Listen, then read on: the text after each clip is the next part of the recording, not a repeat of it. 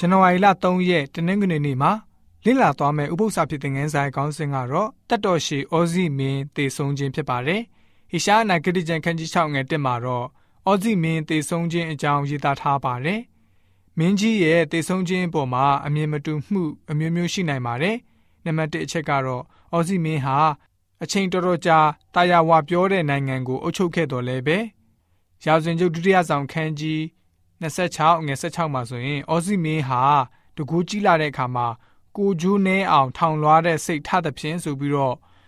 ဖော်ပြထားတာတွေ့ရပါတယ်။နန့်တာပေါင်းကိုမီးရှို့ဖို့ထထဖျားရဲ့ဗိမာန်တော်ကိုဝင်ပါတယ်။ရေပြောဟိတ်မင်းကတားတဲ့အခါမှာအော်စီမင်းဟာ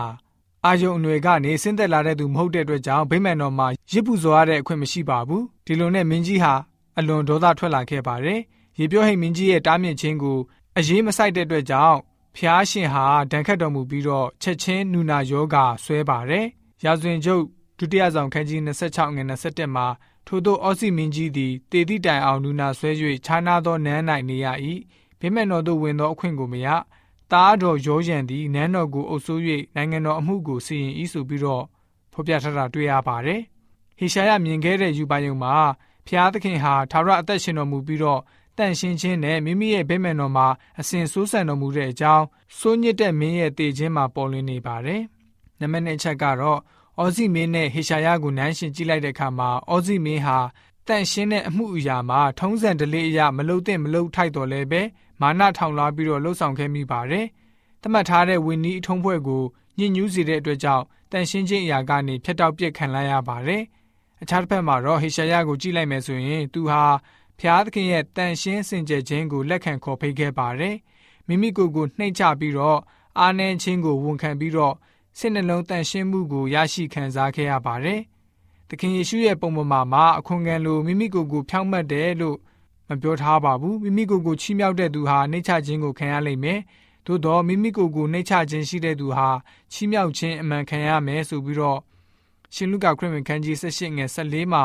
ဖော်ပြထားတာတွေ့ရပါတယ်။ နံပါတ်3ချက်ကတော့အော်စီမင်းရဲ့နူနာယောဂဆွဲမှုနဲ့သူ့ရဲ့လူမျိုးတွေရဲ့သဘောထားဟာတူညီမှုရှိကြပါတယ်။နံပါတ်4အချက်ကတော့အော်စီမင်းဟာ BC 940လောက်မှာ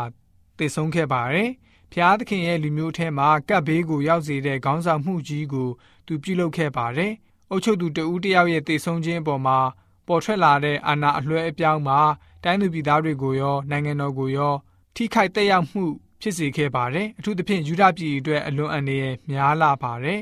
တိကလက်ပိလေတာ3ဟာအာရှုရိနိုင်ငံကို BC 945အစောပိုင်းမှာအုပ်ချုပ်သူဖြစ်လာခဲ့ပါတယ်အရှိတိုင်းတခွင်မှာသူဟာစစ်မျက်နှာဖွင့်ပြီးတော့သူ့ရဲ့လက်အောက်မှာအုပ်ချုပ်ခံဖို့လွတ်လပ်တဲ့ကိုပိုင်အုပ်ချုပ်တဲ့နိုင်ငံမရှိစေရေးကိုအင်အားပြချင်းချောက်တိုက်ခိုက်တဲ့အချိန်ဖြစ်ပါတယ်အဲ့ဒီအချိန်ကာလမှာဖျားရှင်ဟာဟေရှာယကိုခွန်အားပေးပြီးတော့ မိမိရဲ့လူတွေကို ထိန်းချောင်းထားဖို့ပြောဖက်ကိုပြသညွှန်ကြားခဲ့ပါတယ်။ရောက်စဉ်ကျုပ်ဒုတိယဆောင်ခန်းကြီး26ငွေ16ကိုဖတ်ပါမယ်။အော်စီမင်းသည်တကူကြီးသောအခါကိုအကျိုးနှဲအောင်ထောင်လွှားသောစိတ်ထသဖြင့်မိမိဖျားသခင်ထာဝရဘုရားကိုပြစ်မှား၍နန့်တာပေါင်းကိုမိရှုရာရစ်ပလင်ပေါ်မှာနန့်တာပေါင်းကိုမိရှုခြင်းကထာဝရဘုရား၏ဗိမာန်တော်ထဲသို့ဝင်လေ၏ဆိုပြီးတော့တွေ့ရပါတယ်။ကျွန်တော်တို့အနေနဲ့အော်စီမင်းရဲ့လှုပ်ဆောင်မှုကိုပြန်လည်ပြီးတော့သုံးသပ်ဖို့ဖြစ်ပါတယ်။အော်စီမင်းဟာဆိုလို့ရှိရင် ဖះရှင်တားမြစ်ထားတဲ့အရာကိုသူ့အနေနဲ့အရေးမဆိုင်ပဲနဲ့လှုပ်ဆောင်တော်မူခဲ့တာကိုတွေ့ရပါတယ်အဲ့လိုလှုပ်ဆောင်တဲ့အခါမှာဆိုလို့ရှိရင်လည်းပဲသူ့အနေနဲ့ဒုက္ခရောက်ခဲ့ရပါတယ်ကျွန်တော်တို့ယုံကြည်သူများအနေနဲ့လည်းပဲဖះရှင်အလိုတော်မရှိတဲ့အရာတွေဖះရှင်တားမြစ်ထားတဲ့အရာတွေကိုအရေးမဆိုင်တဲ့သူတွေမဖြစ်စေဖို့အတွက်အရေးကြီးပါတယ်ဆိုပြီးတော့တနင်္ဂနွေနေ့ဥပုသ္စာဖြစ်တဲ့ငန်းစာကဖော်ပြထားပါတယ်